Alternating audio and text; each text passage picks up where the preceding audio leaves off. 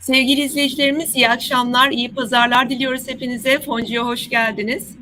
Ee, bu akşam e, konuğum İş Portföy Hisse Senetleri e, Portföy Yönetimi Bölüm Müdürü e, Oğuz Ayhan. Oğuz Bey hoş geldiniz programımıza. Merhaba Serra Hanım, hoş bulduk. Ee, sevgili izleyicilerimiz e, bu akşam e, Oğuz Bey'i özellikle hisse senetleri piyasası Borsa İstanbul'la ilgili sorularımı sormak için yayınımıza davet ettim. E, kendileri de e, iş portföy BIST 100 dışı şirketler hisse senedi fonu IDAŞ'ın e, da e, yönetiminde yer almakta. Bu nedenle bu fonumuzla ilgili de sorularımızı kendisine yönlendireceğiz. E, ben e, öncelikle e, Oğuz Bey e, izleyicilerimizden tabii soruları geliyor ama kendim e, başlamak istiyorum. Aslında e, burada sosyal medyada da aslında görsellerimizi çıkarken programımızı duyururken belirttik. Şimdi Borsa İstanbul'da çok hızlı bir yükseliş var. Yani bu sene e, uzunca bir zamandır Temmuz'dan beri bir rally yaşıyoruz. E, sizin e, burada e, bu rally'nin sürdürülebilirliği, önümüzdeki dönemle ilgili beklentileriniz nelerdir? Fırsatlar ve tehditler olarak neleri görüyorsunuz? Şöyle bir özet yapabilirsek Borsa İstanbul'la ilgili sonra diğer sorularımıza geçelim. Tabii ki. Ee, Serra Hanım isterseniz şöyle sene başından alayım biraz. Ee, ilk olarak biz seneye başlarken geçen Aralık ayında e, Türk lirasının e, yabancı para birimlere karşı değer kaybıyla başlamıştık ve onun yaratacağı bu yıl özelinde bir enflasyonist baskıyı e, zaten e, tahmin ediyorduk. E, burada özellikle e, şirketlerimizin burada bu enflasyonu e, cirolarına yansıtıp yansıtamayacağı bir soru işaretiydi. Ve e, yurt dışında da özellikle Şubat ayında e, bu Rusya-Ukrayna gerginliği sonrası e, ekonomilerde yani küçülme veya resesyonist bir etki yapıp yapmayacağı soru işaretiydi. Ama yıl içinde biz gördük ki bizim şirketlerimiz e, cirolarına bu enflasyon ve maliyetleri fiyat artışı olarak yansıtabilmiş. Ve aynı zamanda birçok şirketimiz de ihracat pazarlarının e, canlı olmasından dolayı ve emtiaların da e, fiyatların yukarı gitmesinden ötürü cirolarını ve operasyonel karlılıklarına destek gördüklerini gördük. Aynı zamanda yurt içinde e, ekonomi yönetimi e, büyüme odaklı bir modelle devam ediyor. Yani faizlerimiz e, nispeten düşük, e, yatırımların yoğun ve e, büyümenin desteklendiği bir ortam var. Haliyle borsamızı e, bu konjöktürde seneye e, başlamıştık ve yıl içinde de gerçekten bu beklentiler gerçekleşti ve borsamız e, enflasyonun da üzerinde e, kar artışları görüldü, operasyonel karlılık. Hele ki finans sektöründe bu artışlar e, çok daha üst seviyelerde oldu. Gerçi finans sektörünün bilanço yapısı da buna uygundu. Geldiğimiz noktada e, biz tabii bu e, hem çarpan genişlemesi de yaşamış olduk açıkçası. Geldiğimiz noktada e, bu yıl yüklü bir e, operasyonel karlılık büyümesi vardı. Çarpanlar da genişleyince bu e, şirketlerimizin eder değerlerine doğru daha hızlı hareket etmesini sağladı. Ve yıl içinde de katılımcı sayısı da buna arttı. Diğer varlık gruplarındaki hızlı fiyat artışı bu e, Covid sonrası dönemde Türk lirası para tabanı ciddi anlamda arttı. Haliyle bu ilk konut, daha sonra taşıt ve diğer varlık gruplarında kendini gösterdi. Nihayetinde borsada da bu sene başında çizdiğim hikayeyle birlikte birleşince ciddi bir rally oldu geldiğimiz noktada şimdi 2023'e baktığımızda tabii ki 2022 gibi e, yüksek kar büyümesi e, şu andan görmeyi beklemiyoruz. 2023'teki kar büyümeleri e, reel sektör tarafında e, yani bu yılın e, ciddi anlamda altında olur. E, finans sektörüne gelince e, bu sene yani yüzde 500'lere varan kar artışları var. Tabii ki seneye bunlar olmayacak. Buraları korumak bile ciddi anlamda önemli olacak. Onu söyleyebilirim 2023 için. Ama 2023 için borsamızda hikaye bitiyor mu? Açıkçası buradan bakınca bitmemiş gözüküyor. Sebebi e, burada en önemlisi bence e, seçime kadar bir süreç var. Sanki e, bu politikalar devam edecek. Haliyle borsa e, dostu ortamın, e, şirket dostu ortamın, e, tüketim dostu ortamın, büyüme odaklı e, ekonomik modelin devamını beklemek gerekiyor. Bu borsamız açısından e, destekleyici bir unsur olur. Hele bunu e, makro değişkenleri de e, çok e, bozmadan e, mevcut durumlarında devam ettirebilirsek belki bu bize çarpan genişlemesi olarak da yansıyabilir. Yani çarpan genişlemesi dediğim bugün e, memlekette yapılan her işin daha çok para etmesi demek. Biz son 3-4 yıldır açıkçası yabancı yatırımcının çıkışıyla birlikte Türkiye'de e, gerçekten hisse senetlerimiz çok ucuzlamıştı. Yavaş yavaş eder fiyatlarına doğru gidiyor ve tarihsel ortalamalarına dönüş yaşarlarsa ki olma olasılığı var. E, yani öyle bir hikaye 2023 için yazılabilir diye söyleyebilirim Seda. Evet, şimdi e, gene bir izleyicimiz e, yükselişin devamını bekliyor musunuz diye sormuş. E, yani sizin bu konuşmalarınızdan aslında 2023'te en azından seçimlere kadar e, bir beklentiniz olduğunu söyleyebilir miyiz Oğuz Bey? Evet, biraz daha isterseniz onu dallandırayım. Tabii ki genel baktığımızda resim e, çok e, şey olmaz, bozulmaz gibi gözüküyor. E, bu kadar e, 2022 gibi e, şey olmaz. E, bu kadar yüksek getiriler olmaz. Bunu ben açıkçası öyle bekliyorum. Ama sektörel bazda e, farklılıklar olabilir. Bu sene e, tüm sektörler e, açıkçası iyisi kötüsü şeyden pozitif yönde etkilendi. Bu ralliden. Bazıları daha çok etkilendi, daha iyi gitti işleri ama genel itibariyle bu olumlu havadan herkes etkilendi. Seneye e, yani 2023'te sektörel bazda ayrışmaların hisse seçiminin çok daha önemli olacağını düşünüyorum e, yatırımcıların da özellikle e, bu seneden alacaklı bazı sektörler var. Şayet e, yani dolar kuru, faiz oranları e, mevcut seviyelerini koruyabilir. E, çok anlamsız şekilde sapmalar yaşamazlarsa bu seneden alacaklı sektörler var. Yani e, telekom sektörü, sigortacılık sektörü bunlar seneye de e, bu seneden alacaklı olacaklar. Onlar biraz e, fiyat artışlarını ve enflasyonu geç yansıtabildiler ve 2023'e kaldı açıkçası e, ciro artışları. Hele dolar e, çok sapmazsa dolar bazlı ciro artışlarını oralarda göreceğiz. E, yine havacılık sektörü 2019 doluluklarına 2023'te erişebilecek. Orada da hareketlilik e, devam edecek. Perakende de havacılık derken de sadece hava yolu taşımacılığı düşünmeyelim lütfen. Hava yollarına teknoloji üreten şirketler, yer hizmeti veren şirketler, e, hava yollarını işleten şirketler, liman, havalimanlarını ve tabii ki yolcu taşıyanlar. Yani komple bir sektör e, açıkçası 2023'te de e, pozitif yönde e, olur diye düşünüyorum ben. E, aynı zamanda perakende sektörü ve perakende sektörü hem giyim perakendesi hem e, şey perakendesi olarak e, yani marketli olarak düşünebiliriz. Orada giyim perakendesi, lüks giyim, e, normal e, giyim olarak da ayırabiliriz. Hepsi pozitif yönde iç giyim hatta. Hepsi pozitif yönde büyümelerini devam ettirirler. Çünkü mevcut e, faiz ortamı açıkçası büyümeyi teşvik ediyor. Ve şirketler de e, bu büyümeden yararlanıyorlar. Yani yine onlar e, 2023 portföylerinde olur diye düşünüyorum. Ben o da yani borsayı destekler. Evet. E, Mesut Akgün'ün de sorusu şu. Diyor ki e, şu an için Borsa İstanbul'da yaşanan ani ve agresif düşüşler ekonomik realiteye ve rasyoneliteye gerçekten uygun mu? Yoksa spekülasyon hatta manipülasyon düşünülebilir mi? diye sormuş. Şimdi e, getiriler e, çok yüksek olunca e, tabii ki realizasyonlar da e, o denli oluyor. Yani ben piyasaya öyle herhangi bir e, farklı göze bakmıyorum. E, ama e, yani böyle yüksek, yüksek yükselişlerin olduğu dönemlerde realizasyonların da büyüklüğünün bu denli olması normal bence.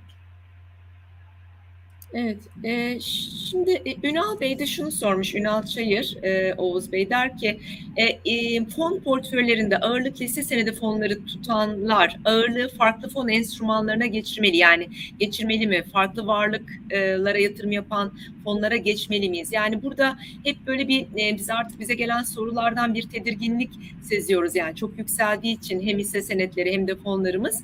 E, acaba buradan bir düşüş olur ve kazandığımızı kaybeder miyiz, kaybeder miyiz diye korkuyor yatırımcılarımız, izleyicilerimiz. Yani burada e, belki hani bir e, risk çeşitlendirmesi anlamında e, farklı varlık sınıflarından fonlarda katılabilir mi? Ee, Serra şöyle söyleyeyim. Tabii bu e, kişileri risk algılarına ve e, kendi risklerine göre e, karar vermeleri gereken bir durum. Ama ben e, bazı bazı genel doğruları söylemek isterim. Şöyle ki e, burada tabii bors, e, borsa yatırımı riskli bir yatırım. En riskli yatırım. Ya tabii ki getiri bu kadar çok olunca e, düzeltmesi de olabilir. Yani bunu bu sene içinde de yaşadık. Yani birkaç ay düzeltmeler yaşandı. O arada gerçekten e, likiditesi uygun olmayan e, yatırımcılar belki e, borsadan istedikleri getiriyi yapamadan da ayrılmış olabilirler. Bu, bunlar realite. O açıdan öyle değerlendirmek gerekiyor. Burada e, hem kendi e, birikiminizin e, ne vadede e, yatırım yaptığınız hem de e, olası bir e, türbülans durumunda e, kendi beşeri sermayenizin riski de nedir? Yani e, siz bir onu da burada biraz açayım yani bir profesörseniz beşeri sermayeniz nispeten sabit e, bono gibidir. Haliyle biraz daha riski yüksek tutabilirsiniz ama daha riskli bir e, olası türbülansta iş kaybı olabilir, iş e, maaş düşüşü olabilir vesaire. Beşeri sermayesi daha riskli olan biriyseniz onu da dikkate alarak portföyünüzü biraz daha az riskli hale getirmeyi tercih etmelisiniz. Ben e, bu genel şapkayı koyduktan sonra e, varlık dağılımı olarak ben şu an halen hisse senetlerinin e, diğer varlık gruplarına göre hele ki Türkiye'deki e, yani TL faiz vesaire diğer enstrümanlara göre daha cazip olduğunu düşünüyorum ve bunun bir süre daha sürdürülebilir olduğunu düşünüyorum. Ama altın e, ve diğer varlıklar tabii onların bir kompozisyonu Türk lirasının yabancı para birimlerine karşı değeri.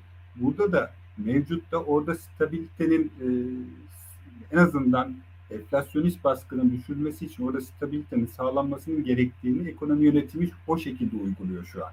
Bu varsayımla gidersek tabii ki o enstrümanların e, o kompozisyondan çok büyük getiri beklememek gerekiyor. Haliyle yine TL e, enstrümanlar orada borsa ön plana çıkıyor. Ama tabii ki fiyat seviyelerini takip etmek gerekiyor.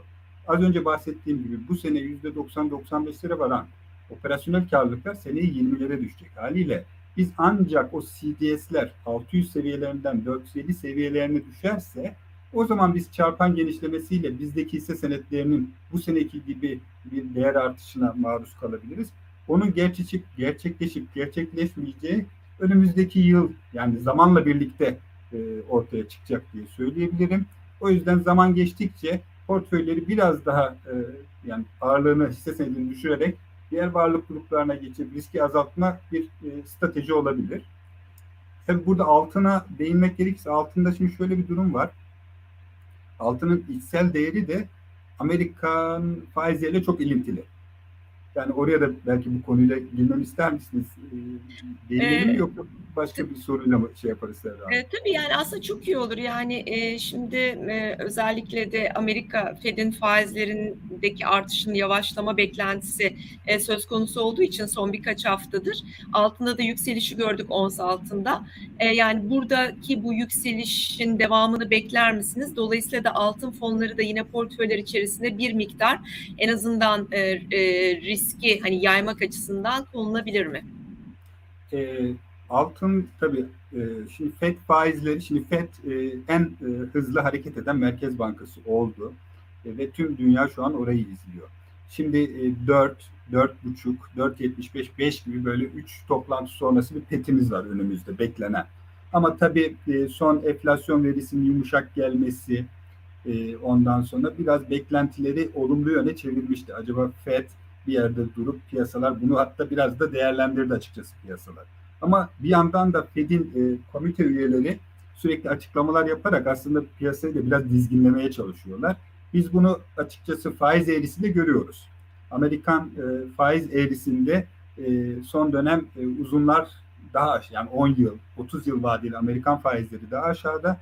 E, nispeten 2 yıl, 1 yıl olanlar daha yukarıda kaldılar bu enflasyon verisi öncesine göre. Aslında biraz burada önümüzdeki dönem FED biraz sıkı durup e, ekonomiyi biraz soğutacakmış gibi bir e, şey e, en azından o algının bozulmasını istemiyorlar diye e, görüyorum ben. E, kısa vadede e, tabii biz burada altının fiyatlarını biraz daha orta uzun vadeli faizlerle ilişkisi daha kuvvetli oluyor. Oradaki aşağıya e, geliş biraz altını destekledi. Hele ki biraz daha FED, yani datalar ekonomik datalar biraz daha zayıf gelir. FED aslında yeterince sıktı algısı ön e, kördün önünde de oluşur ise o zaman altın için daha bir pozitif e, hava oluşabilir. Ben açıkçası altının portföylere peyderpey e, art, artırılabileceğini düşünüyorum. Zaten son dönem altının yatırımcılarına baktığımız zaman hani uzak doğu zaten 1600-1700 bandında ciddi alıcı oluyor merkez bankaları. Perakende e, şeyler de giriyor, vatandaş da giriyor. Çünkü enflasyona karşı her yerde enflasyon var. Herkes görüyor altının şey olduğunu. O yüzden altına talep oralarda geliyor. Daha çok bu körve bakıp daha çok ETF'ler, kurumsal yatırımcılar bunu çok e, baskı, yani satış tarafına onlar geçiyordu diye söyleyebilirim. Ama bu dediğim mevzu olursa altında sanki tek yön e, alıcı daha baskın olacakmış gibi bir durum olabilir. O yüzden ben altının portföylerde e, eklenmesi taraftarıyım. Evet. Şimdi ben e, IDH ile ilgili sorulara geleceğim. E, Eşport ve BIST 100 şirketler hisse senedi fonu. E, Taner Özgül'ün e, sorusu. E, İDH fonunuz diğer e, hisse senedi fonlarına göre çok ciddi atak yaptı diyor Taner Bey. Bu fonunuz içeriği ve geleceği için öngörülerinizi rica ederim demiş. Ee, Serra Hanım diğer şirketlerin fonlarıyla mı yoksa kendi iş portföy fonlarımızla mı ön plana evet. çıktı? Valla diğer diye söylemiş ama diğer yani, hisse senedi fonları demiş. Evet tüm evet, fonları evet, kastetti galiba. Öyle mi? Ya tabii bizim de iş portföy olarak hemen hemen tüm e, temalara yatırım yapabilecek e, şemsiyede fonlarımız var. Yani ister 100 olsun, bankacılık, 30 olsun, kadın fonumuzdan her türlü fona kadar yatırım şeyimiz var. Tabii bu süre zarfında İDH ön plana çıktı. Özellikle son 3 aylık e, getirilerinde e, en iyi getiri sağlayan fonumuz oldu. İDH'ı e, farklılaştıran ne oldu? Aslında İDH'ı, İDH'ı en çok farklılaştıran şey o evrenin farklılaşması oldu. Şimdi e, İDH o evrende e, e, o evreninden ciddi anlamda yani tümye 100 yani biz tümden 100'ü çıktığımızdaki 340 kağıdın içinden en doğru kağıtları hisse senetlerini seçerek bu getiri yaptı. Ciddi anlamda e, karşılaştırma ölçütünün de üzerinde bir getiri sağladı bu süre zarfında. Ama şimdi bu e, buradaki evren e, bizim e, yatırım yaptığımız oradaki evren açıkçası bir BIST 30, BIST 100 evreni değil.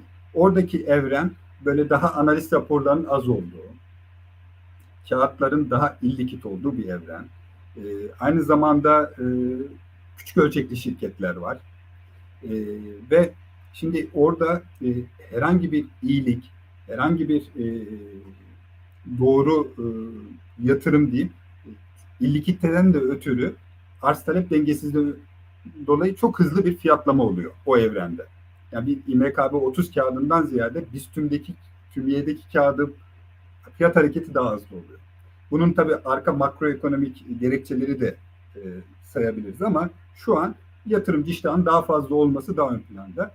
İDH burada e, biz e, kurum olarak 5 tane hisse senedi fonu yöneticisi, 5 tane araştırma, 10 kişilik bir ekibiz. E, ve biz bu e, yurt içindeki bu şeyi de yakın takip ediyoruz. Yatırım sayısı artışını da yakın takip ediyoruz. Yani 2.3 milyonlardan 3.15 milyonlara gelen bir yatırımcı e, genişlemesi de var. Ve bu yatırımcı genişlemesinin teveccüh ettiği kısımları da görüyoruz. Çünkü artık e, bu dijitalleşmeyle birlikte sadece aracı kurumların raporları değil, e, tüm sosyal medya açıkçası bir fikir havuzu oldu. Yani e, ve oradan çok kişi yararlanıyor. Her şeyi takip etmeye çalışıyoruz. O yüzden ekibimizi çok geniş bir yelpazede tuttuk ve buradaki hemen hemen tüm şirketle çok şirketlerle e, konuşuyoruz. Şirketlerle toplantı halindeyiz.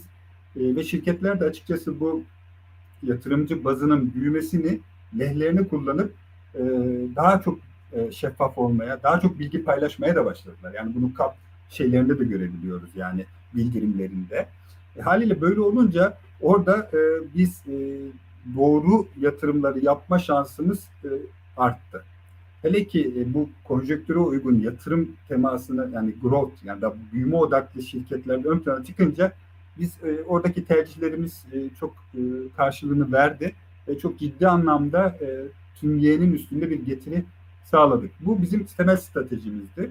E, tüm evrene bakma, detaylı bakma, şirketlerle görüşme ve değerleme olarak da tabii biz uzmanlığımızla bu ne eder, bu şirket ne eder, ne kadar oluru tespit edip ona göre bir yatırım e, planımız, stratejimiz vardı.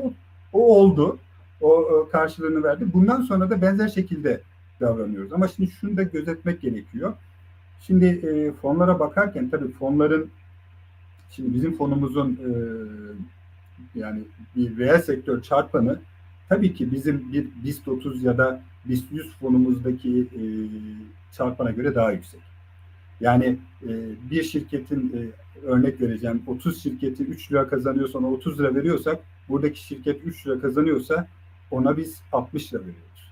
Yani örnek olsun diye söylüyorum. Yani iki katı bir çarpan veriyoruz. Bir e, şirket değeri veriyoruz. Neden? Çünkü buradaki şirketler e, biraz daha e, hem bu illikitlerin yarattığı arz talep dengesizliği var diye e, düşünüyorum.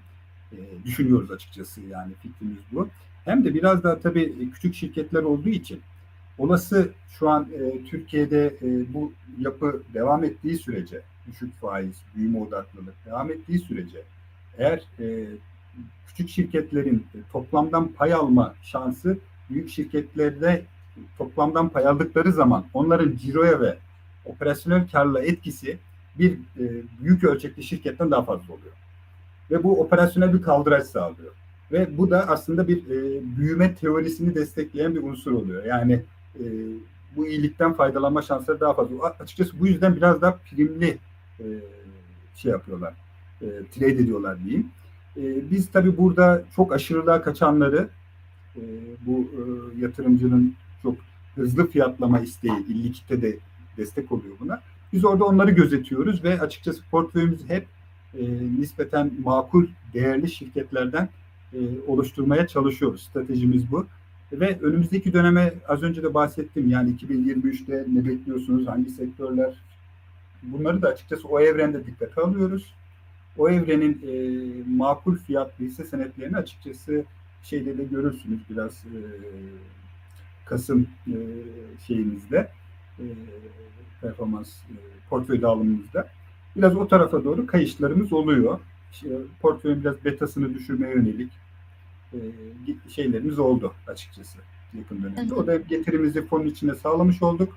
Hem de biraz olsun e, yüksek çarpana ulaşan şirketlerden de daha düşüklere doğru bir geçiş yaptık. Geçiyorsunuz. Evet, Ekim ayı raporunuzu almıştık. Şimdi e, Metin Bey'in sorusu ve aslında birçok izleyicimiz de gene ben sorulardan okuyorum. Şöyle de hani kafada bir e, gene aslında e, borsa düşersenin İDH'e yansıması olarak düşünebilirsiniz bunu. E, der ki Metin Al, e, BIST yüz dışı hisselerin çoğunda inanılmaz spekülatif yükselişler var. Giderken iyi de temelsiz yükseliş geri döndüğünde fonunuzu nasıl koruyacaksınız? Yani e, siz bir burada bir koruma yapıyor musunuz? Bir hedging mekanizmanız var mı diye sorarlar. Evet, Selam. Zaten e, 80-100 bandında bir hisse senedi taşıma zorunluluğumuz var. 80 e, dip oranımız TÜMİ'ye. Şimdi o zaten bizim bir alt noktamız. Biz az önce de bahsettiğim gibi nasıl koruyoruz biz? Gerekirse e, tabii ki BIOP enstrümanlarıyla e, hedge amaçlı, e, riskten koruma amaçlı pozisyon alabiliriz. Ama onun ötesinde dağılımımızla da az önce bahsettiğim gibi e, nispeten betası düşük ve nispeten e, e, sektörel beklentisi yüksek e, şirketleri de portföy içindeki ağırlığını artırarak olası türbülansta e, daha e, korunaklı e, çıkacak bir portföy yapısını sürekli gözetiyoruz. E, kafamızın arka planının arka planında sürekli var. O yönde de adımlar atıyoruz açıkçası. Yatırımcılarımız orada şey olsunlar yani e, sürekli tüm sektörleri, tüm hisseleri o gözle araştırıp en optimum portföy yapmaya çalışıyoruz. Evet. Şimdi bir önceki soruda aslında siz cevap verdiniz zannediyorum ama yine de sormak isterim. Berke Bey'in sorusu, Berke Uslu'nun gene İDH ile ilgili. Diyor ki portföyünde olan bir hisseyi çok yükseldi diye satış yapıyor mu yoksa işleri gittiği sürece tutuyor mu demiş.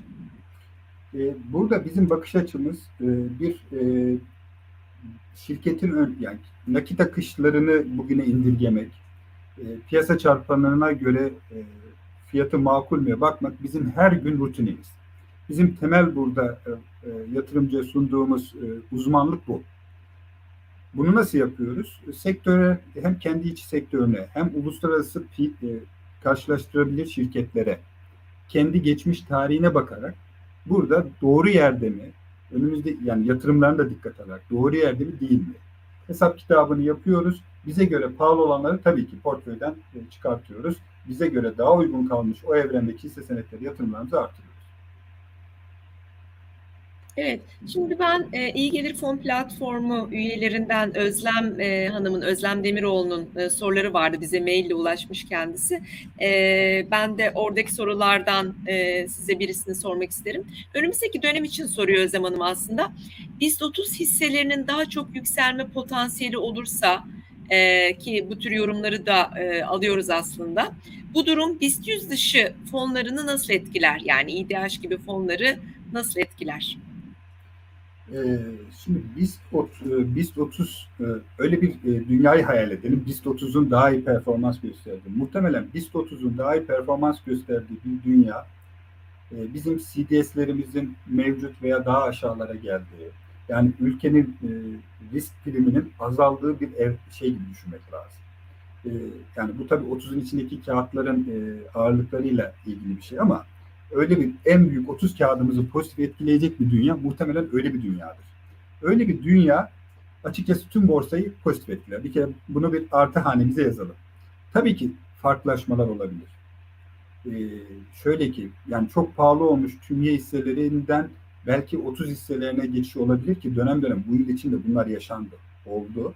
Ama e, Türkiye'nin e, yani makro ekonomik yani e, devamlılığının sağlandığı ve borsaya ilgin olduğu dönemde 30'un 100'ün canlı olduğu yerde tümye e, belki o kadar canlı olmayabilir ama canlılığını korur diyeyim ben.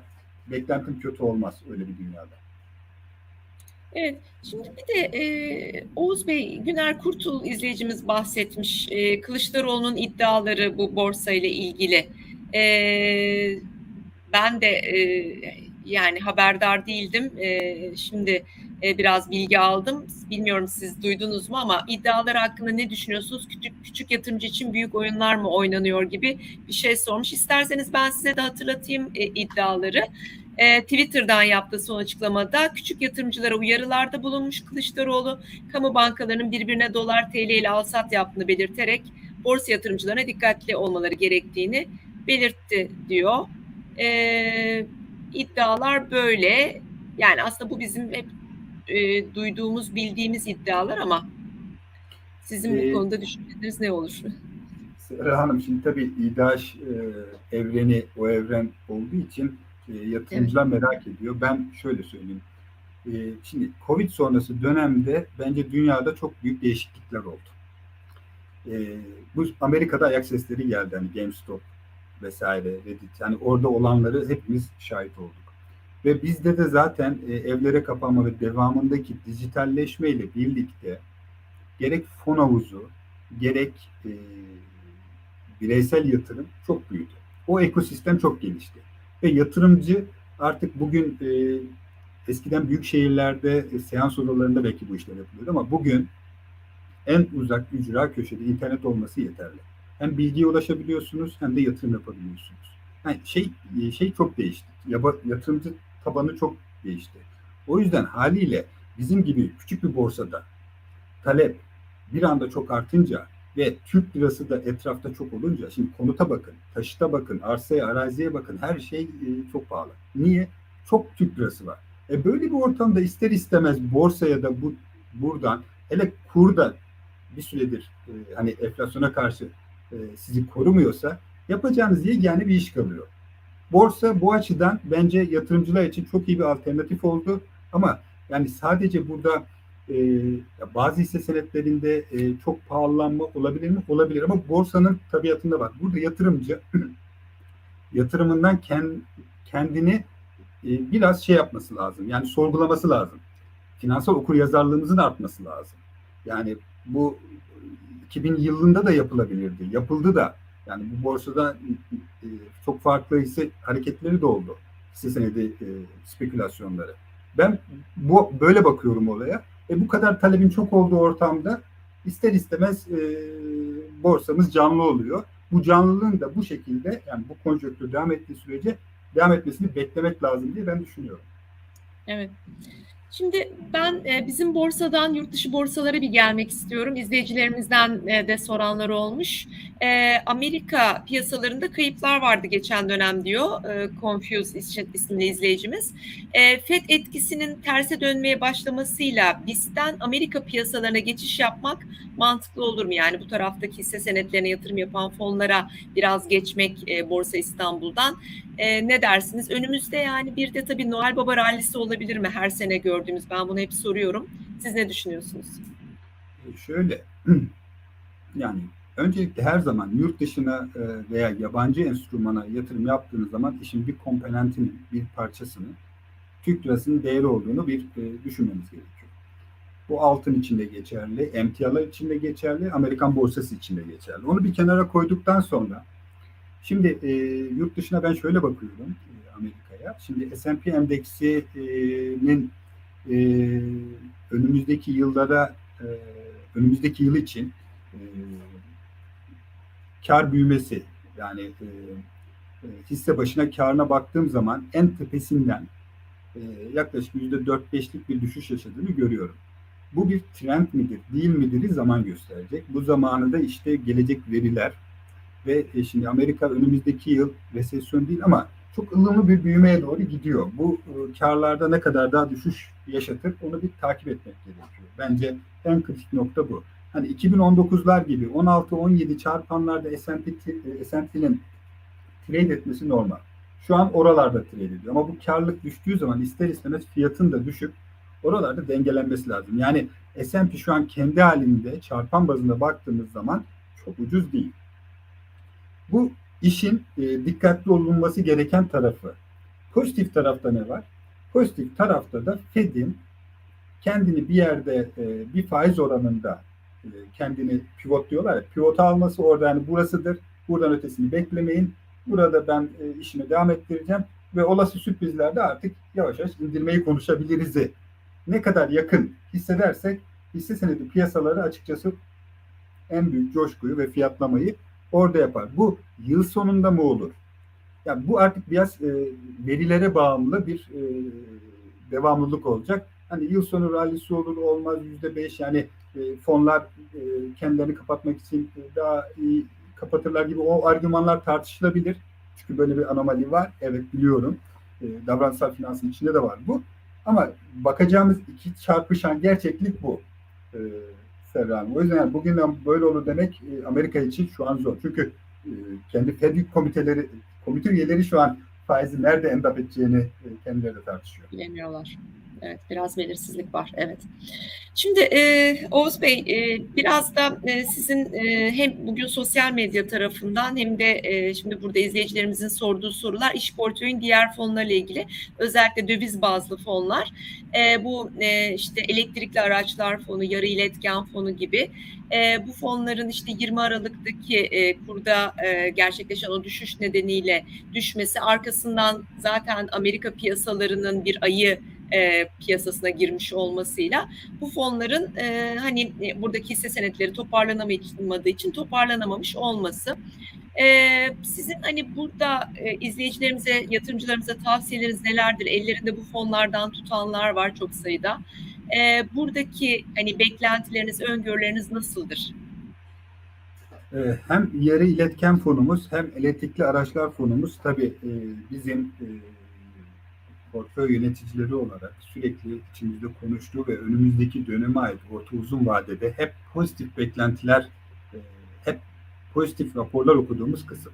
Çünkü altına baktığımız zaman dediğiniz gibi Serra Hanım, şimdi e, Çin'de Covid'in devam etmesi, e, tedarik zincirlerinin bozulması ve Fed'in hızlı aksiyonu ECB ve Birleşik Krallığın hep böyle faizleri yukarı, Anglo-Sakson tarafın hep yukarıya itişi tabii ki ister istemez büyüme beklentilerini de aşağı çekti.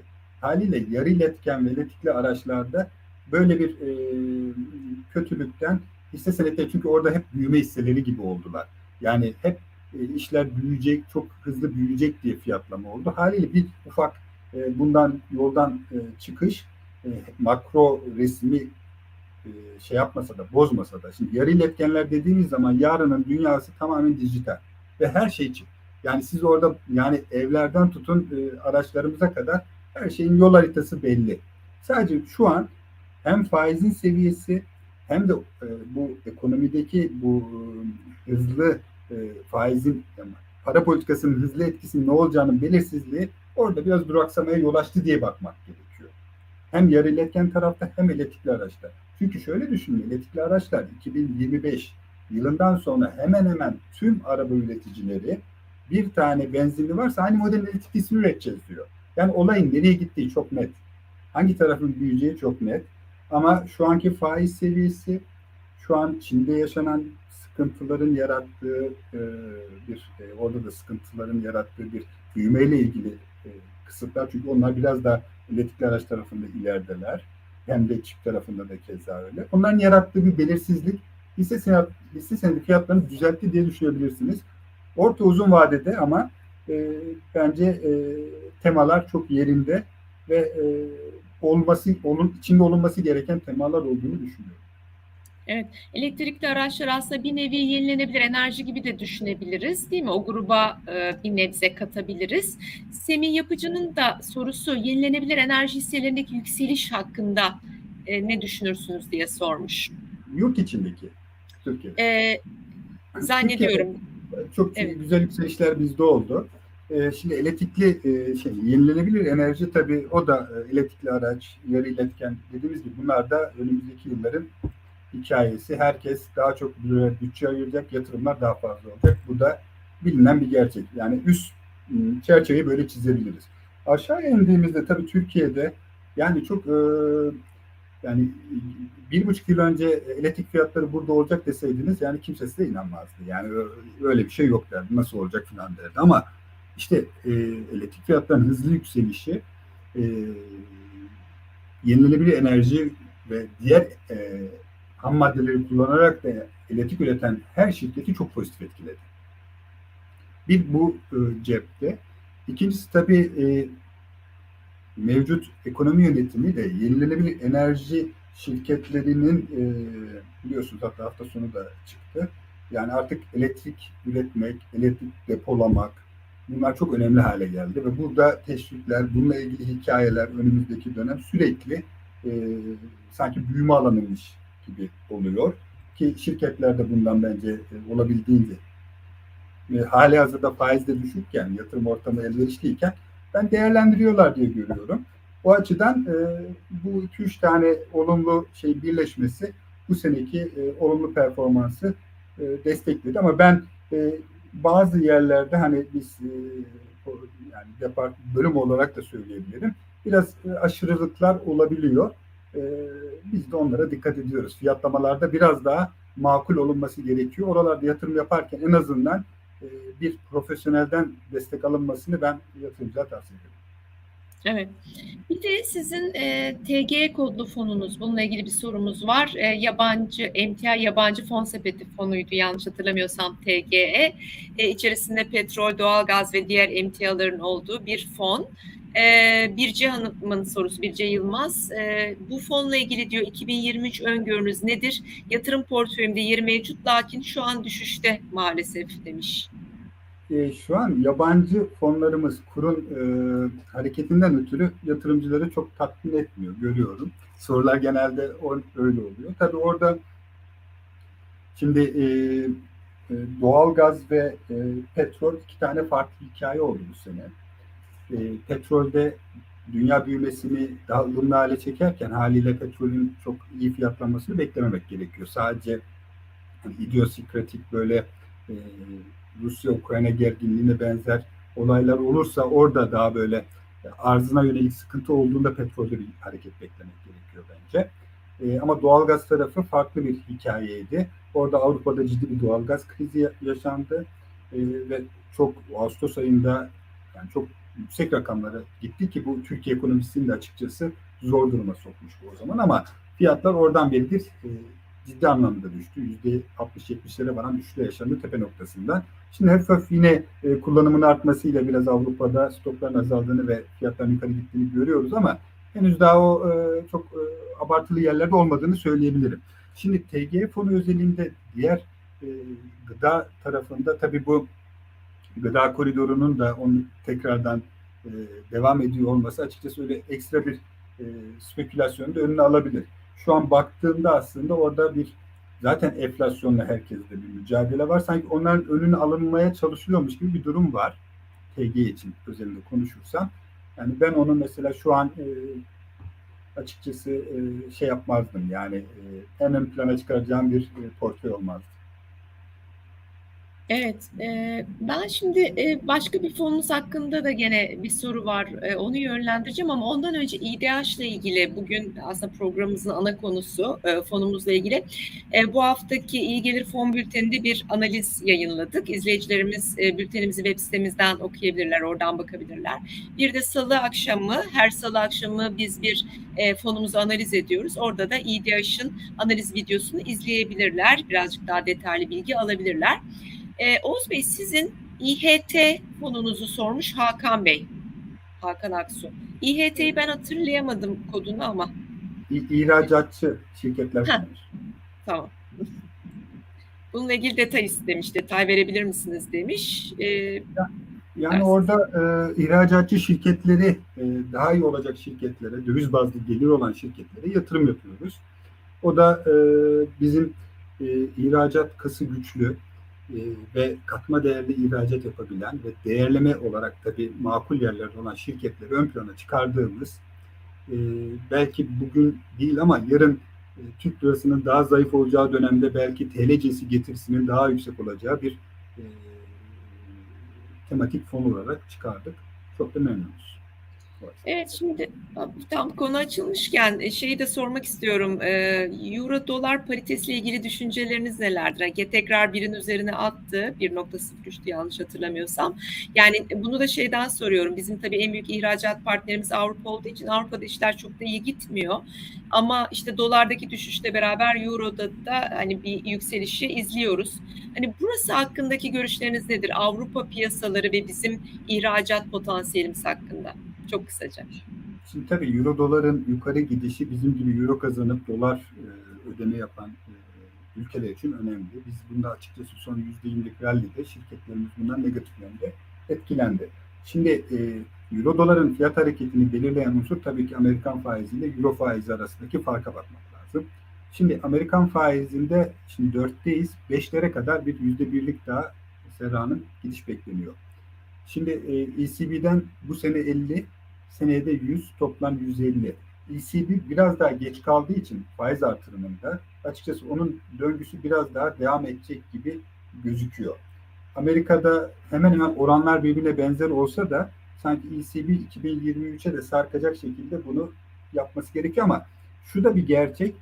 Hem ECB'nin e, yetkili kişilerinden hem de Amerika'nın yetkili kişilerinden aslında mevcut beklentilere e, bazıları sertleştirici, bazıları azaltıcı. Mesela ECB tarafında da ekonomiler kötü olduğu için açıkçası faizi niye artırıyorsunuz gibi de sesli sesli söyleniyor. Öyle olmazsa tabii ki Euro'nun değer kaybı e, daha çoklaşır. Yani eğer Avrupa bölgesinde büyümeyle ilgili verilerde kötülükler daha baskın hale gelirse ben Euro doların düşmesini beklerim mevcut durumda. Evet. Orada onu takip etmek Evet takip etmek lazım. Gökhan Bey de gene IHT ile ilgili der ki döviz pozisyonu iyi olan şirketlerin hisselerini mi tutuyorsunuz? Döviz nakit ile kalitesine bakıyor musunuz şirket seçerken IHT'de? Döviz nakiti zaten biliyorsunuz son uygulamalarla şirketin öyle döviz nakit tutma e, lüksleri yok e, Serra Hanım. E, orada daha çok e, ciro anlamında söylüyor. C- ciro, ciro anlamında. Yani döviz geliri çok orada. Evet, tamam. Ee, ben bir de şey soracağım e, Oğuz Bey. İzleyicilerimiz e, hep bunu soruyorlar. İşte sosyal medyadan da soruluyor. Buradan da hani bir kere de sizin ağzınızdan duyalım istedik. Bu e, kamuoyu aydınlatma platformuna her ayın ilk haftası verdiğiniz portföy dağılım raporları. Bu raporlarda geçtiğimiz ay portföyünüzde tuttuğunuz hisse senetlerini ve diğer menkul kıymetleri açıklıyorsunuz. Bu açıkladıklarınız e, ayın son gününün e, hisse senetleri midir yoksa ay ortalaması gibi bir şey mi alıyorsunuz? Yok Serra Hanım. Orada ay sonundaki e, iş günündeki portföyümüzü paylaşıyoruz. Ve 6. iş gününde de devam eden iş de açıklamak zorundayız. 6. güne kadar değil mi? Evet. Ee, bir de e, Erkut Bey'in sorusu. E, bu da der e, Erkut Bey de der ki değişken fonlarda anlık piyasa değişikliklerine karşı gün içinde dahi portföy değişimi yapılabilir mi? Mı? tabii ki biz aktif yönetilen tüm portföylerde gün içi çok gelişmeler olabiliyor gün içine e, gerçekleşen. Ona uygun pozisyon alınıyor. Ee, bir sorumuz da e, dünya e, ölçeği içinde aslında dünya e, küresel olarak sormuş Sibel Hanım. E, hangi sektörlerde değer artışı, büyüme bekleniyor önümüzdeki dönem için demiş dünyada. Dünyada bahsettiğim gibi tabii ki bu e, yarı iletken ve elektrikli de üzerinden geçtiğimiz gibi orada adet bazlı büyümeler hep beklenecek. Çift tüketiminde de elektrikli araç satışında da şirketlerin orada büyümeler olacak. Yenilenebilir enerjide de yatırımlar olabildiğince devam edecek diye e, söyleyebilirim. E, tabii şunu dikkate almak gerekiyor. Şimdi biz e, biraz faizlerin üstte olan döngüsüne doğru gidiyoruz. İster istemez e, büyüme odaklı e, sektörlerde, Nasdaq'ta daha çok gördüğümüz gibi burada biraz e, düzeltmeler oldu.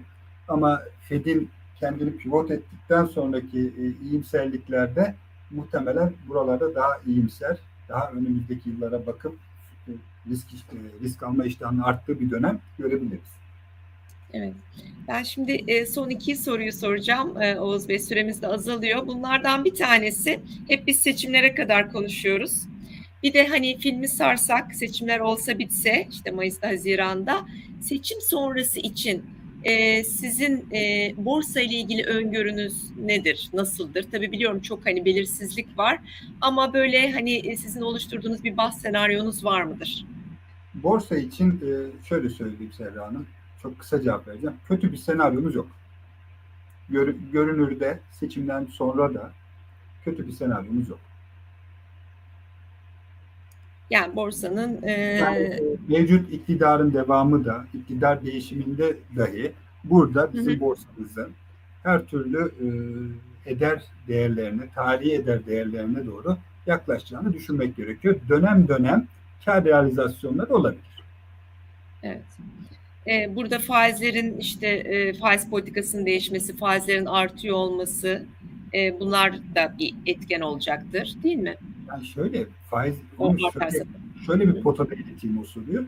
Yani şimdi faizlerin e, artıyor olması, daha ortodoks politikalara geçiliyor olması ülkenin e, risk primini de e, düşüren bir unsur olabilir.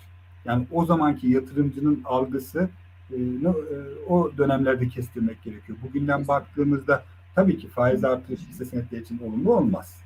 Evet. Ama risk evet. düşüklüğüyle e, o, o, orada farklı bir e, arz talep dengesi oluşabilir. Evet ve aynı zamanda da yabancılar da e, bu şekilde biraz daha giriş yapabilirler. E, CDS primlerinin düşmesiyle ve buradaki politikanın değişmesiyle o zaman biraz daha yatırımcı yapısı da değişir herhalde değil mi? Yani politikaların sürdürülebilir olduğuna inandıkları vakitte yabancı yatırımcı gelir. Sadece Hı. politikaların değişmesi değil. Şu an farklı bir şey yapılıyor. Yabancı yatırımcının hiç alışık olmadığı anortodoks politikalar.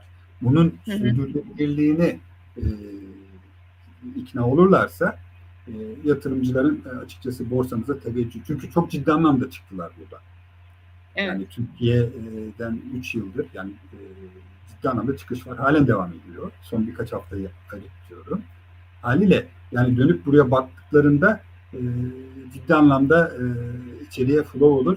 E, o da yani gerçekten bizim şirketlerimizi çok kıymetli hale getirir. Yani eder evet. değerlerine yaklaşır. Kıymetli demeyeyim de zaten iyi dönemlerine doğru yavaş yavaş Evet. Şimdi son sorumuz da her zaman bizim klasik sorumuz öyle soralım. E, orta vade diyelim. E, seçimlere kadar gibi düşünebiliriz bunu. 6 aylık bir süre gibi düşünebilirsiniz. Böyle bir e, süre için e, e, bir hani riski seven yatırımcı için bir de riskten kaçınan yatırımcı için varlık dağılımı anlamında portföyler nasıl olmalıdır? Tabii biliyorum siz hisse senedi fonları tarafından sorumlusunuz. E, o tarafta ağırlığınız vardır ama portföylerin içerisinde böyle e, iki farklı risk profili için neler söylersiniz? Yani risk al, risk alma iştahı yüksek ve buna da uygun bir e, profil ise kesinlikle yani yüzde yani oransal olarak 50'nin üstünde hisse senedi taşımasını ben öneririm.